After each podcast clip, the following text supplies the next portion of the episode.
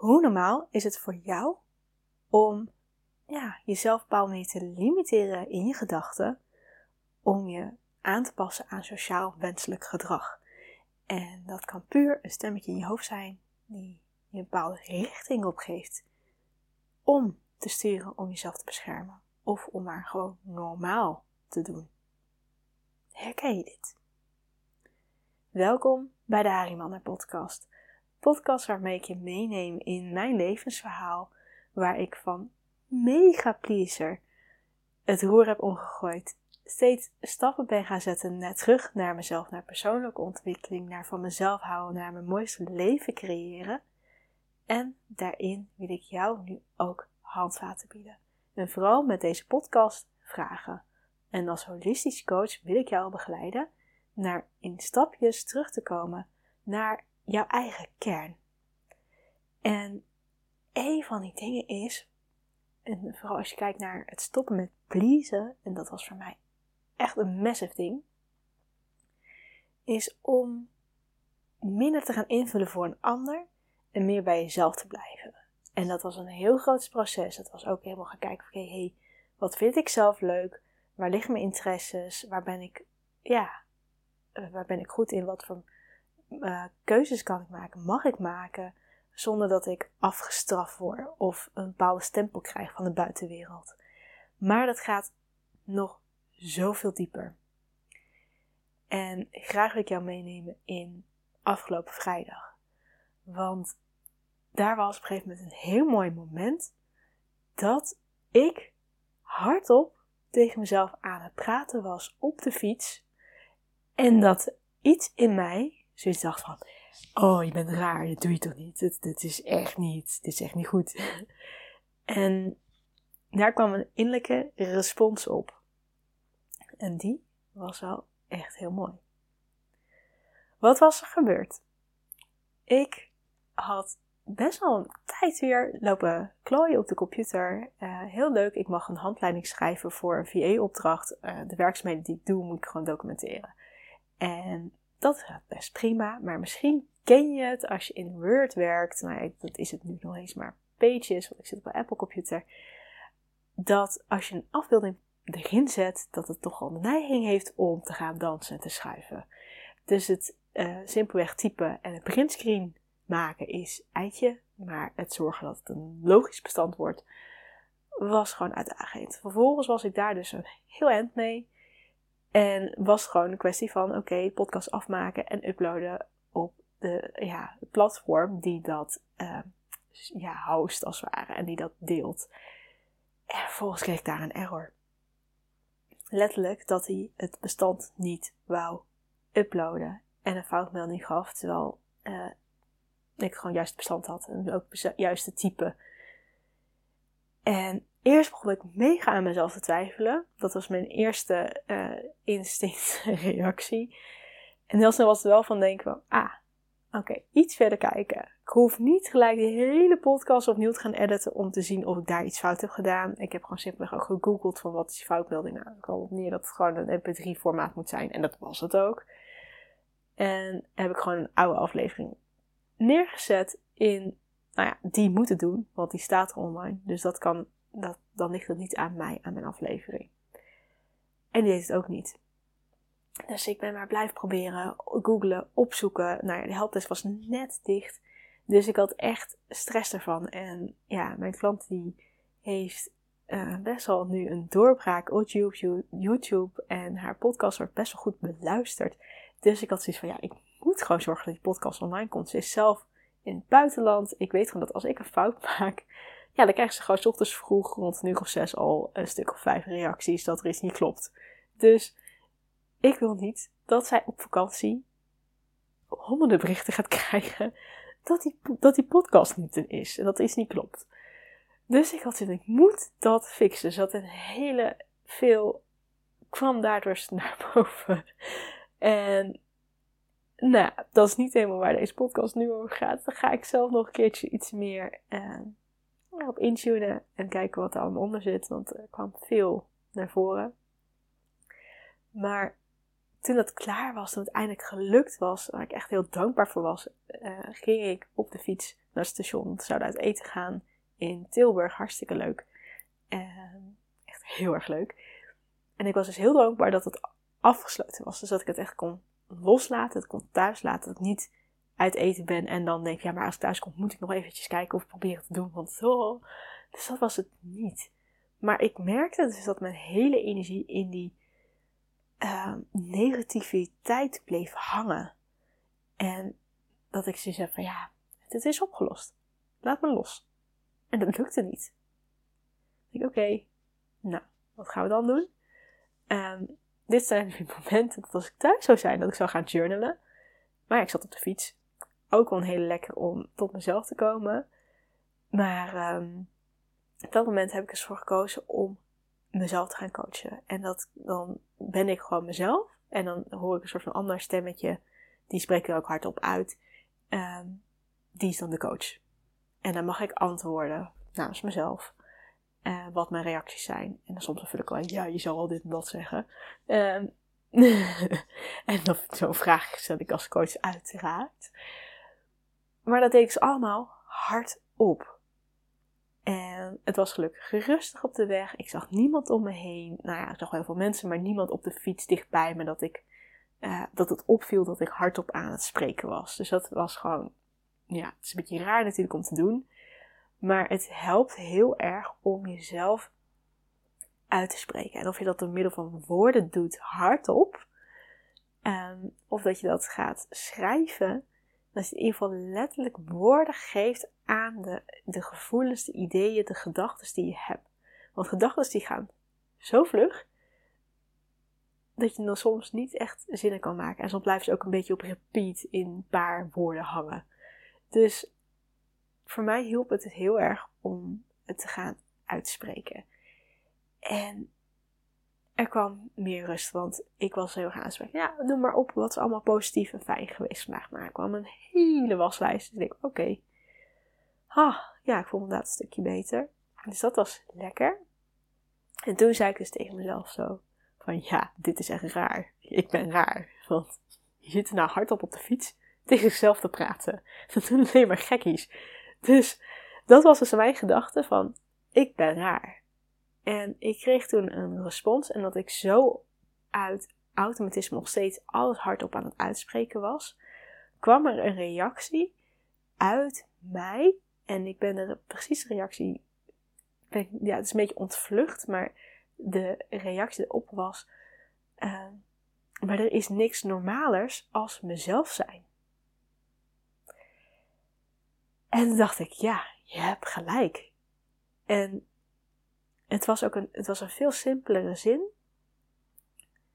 Een soort van, ik ben, ja, een soort van, ik ben, er is niks, normaal, ik ben normaal, zoiets. Van, als dit bij mij nu hoort, dan is dat goed. Dus het, het zit hem zo dat ik aan het aanpassen ben naar de wens en naar de maatschappij en wat de normen en waarden bij ons zijn.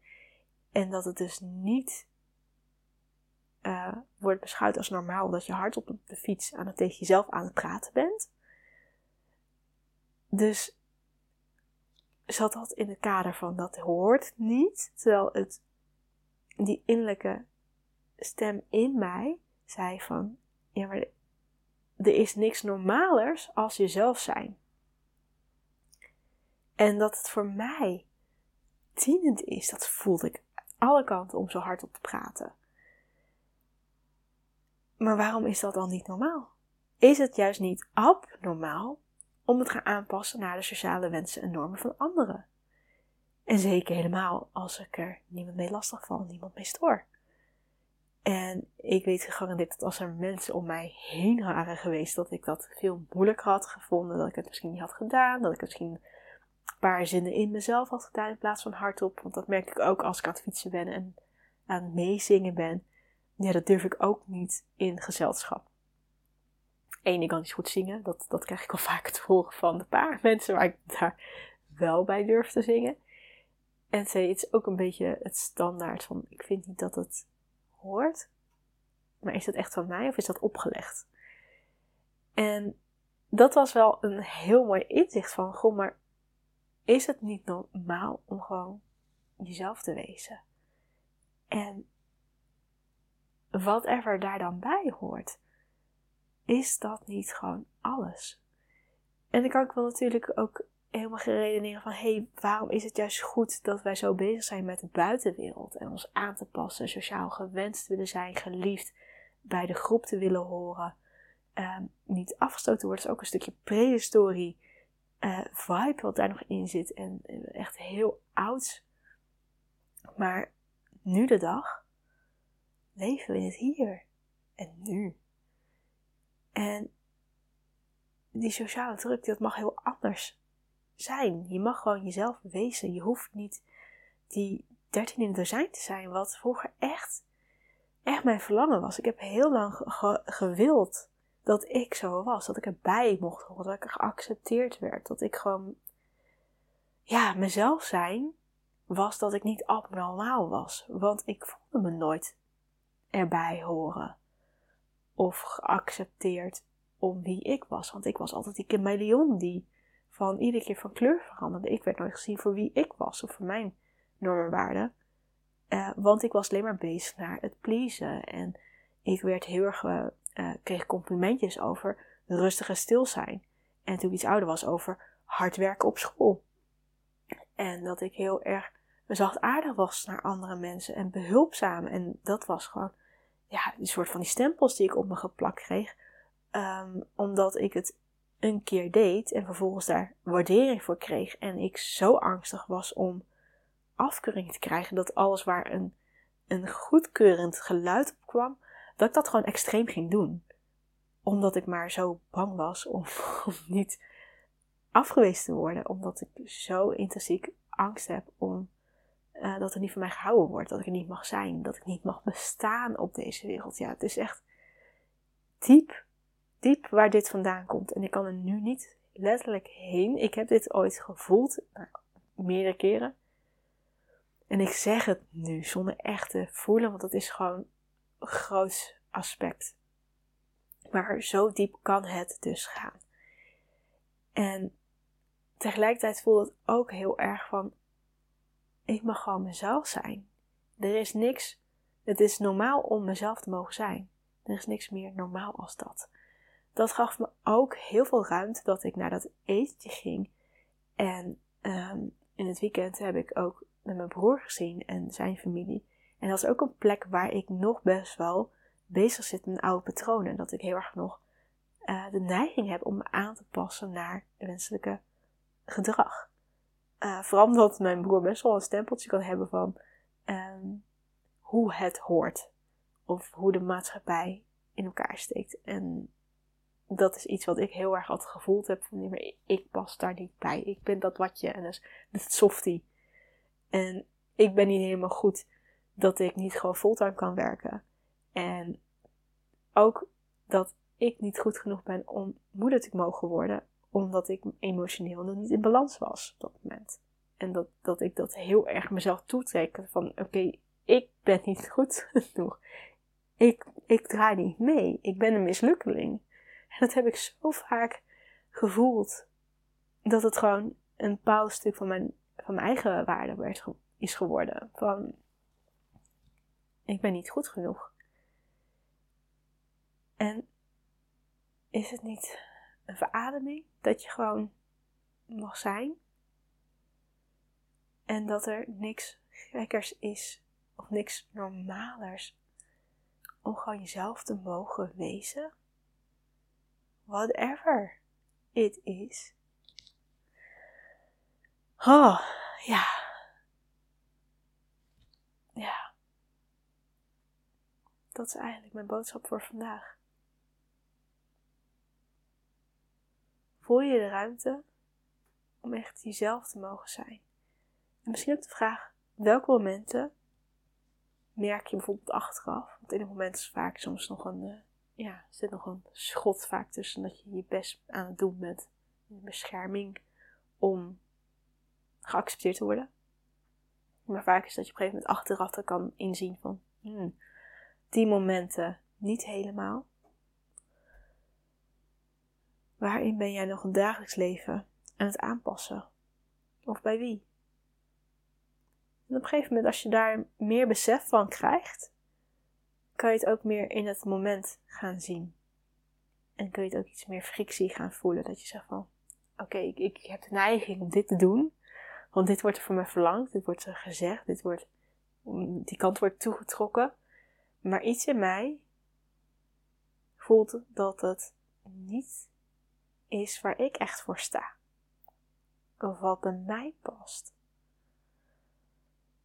En dat is wel een heel mooi beginpunt om meer tot jezelf te gaan komen. En het laatste wat ik nog wil vertellen is dat de woorden die toen tot mij kwamen op de fiets van hey, is het niet normaal om jezelf te mogen zijn? Dat dat echt voelde als een heel jong deel van mezelf. Echt een heel klein meisje, misschien een driejarige. Die bijna zoiets van, ik ben ik. En dat is het. Niks meer, niks minder. En alles wat er omheen is gekomen, is een stempel geworden van goed of fout en van de maatschappij. En dat kan dan zijn van letterlijk de mensen die dicht bij jou staan, of de algemene uh, normen en waarden van hier in Nederland. Maar wat? Wat past bij jou? En als er geen oordelen zouden bestaan, wat zou je dan echt heel anders doen? Wat zou dan veel meer bij jou passen? En je krijgt nu een beeld voor me dat, dat je iemand bijvoorbeeld die helemaal gekke kleding aan heeft. En lekker echt enorm kleurrijk en gekke hoeden. Ja, zie ik heb er een oordeel op, want ik vind het gek, want normaal doe je dat niet.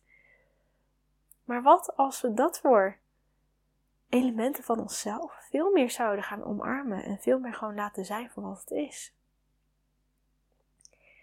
Dat je een bepaalde muzieksmaak mag hebben dat je een bepaalde manier van dansen mag hebben. Dat je heerlijk jezelf in die expressie kan uiten.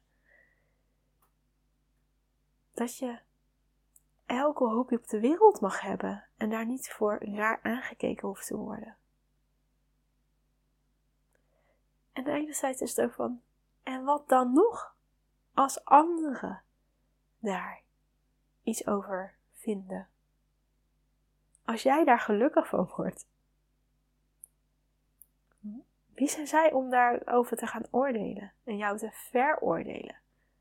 En het is helemaal prima. Het is niet dat we nu zeggen: oh, je, moet, je mag geen, uh, geen oordeel hebben over iemand anders. Nee, natuurlijk wel.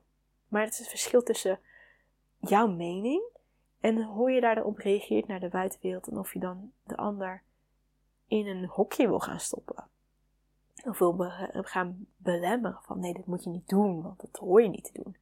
Net zoals dat je nu, uh, ja, aantal mensen die ik volg, en zo merk ik het ook even thuis in mijn gezin, zeg maar, uh, zijn bezig met social media. En als je bijvoorbeeld kijkt naar Kim Munnekom, die loopt dus vaker zo met die telefoon rond te wandelen en tegenaan te praten. En je hoort er soms zeggen, thuis, dat gaat dat best wel goed. En dan of is gewoon lekker ook buiten wandelen. Mensen vinden het niet meer gek, want die zijn gewend dat zij gewoon zo met tegen telefoon aanpraat. Maar dan is ze in een hotel en zeggen: Ja, ik ga nu stoppen, want ja, ik word heel gek aangekeken. Maar dat is gewoon haar zijn, haar ding, haar doen. En dat past bij wie zij nu is. Dus wie zijn wij dan om te zeggen: Ja, dat is toch raar, dat hoort toch niet? Ja, en ik merk ook dat als ik soms met mijn telefoon zit, dat misschien denkt, dat ga ik toch niet op social media zetten? Zeg ik, ja. Ik wil wel zoveel mogelijk een beeld geven van wie ik echt ben. En daar horen mooie momenten bij. Er horen ook minder, bleh, minder momenten bij. En mijn gestuntel. En ja, gewoon de alle dag. En ik denk dat dat ook juist het heel erg ons mens maakt. We zijn niet perfect. En ja, daarmee wil ik ook juist gaan connecten met je. Want eh, we zijn allemaal gewoon mens. En we hebben allemaal onze gekkigheden en eigenaardigheden. Maar we hebben ook allemaal onze glimlach en onze, ja, onze joy, plezier dat we aanstekelijk kunnen zijn met de buitenwereld.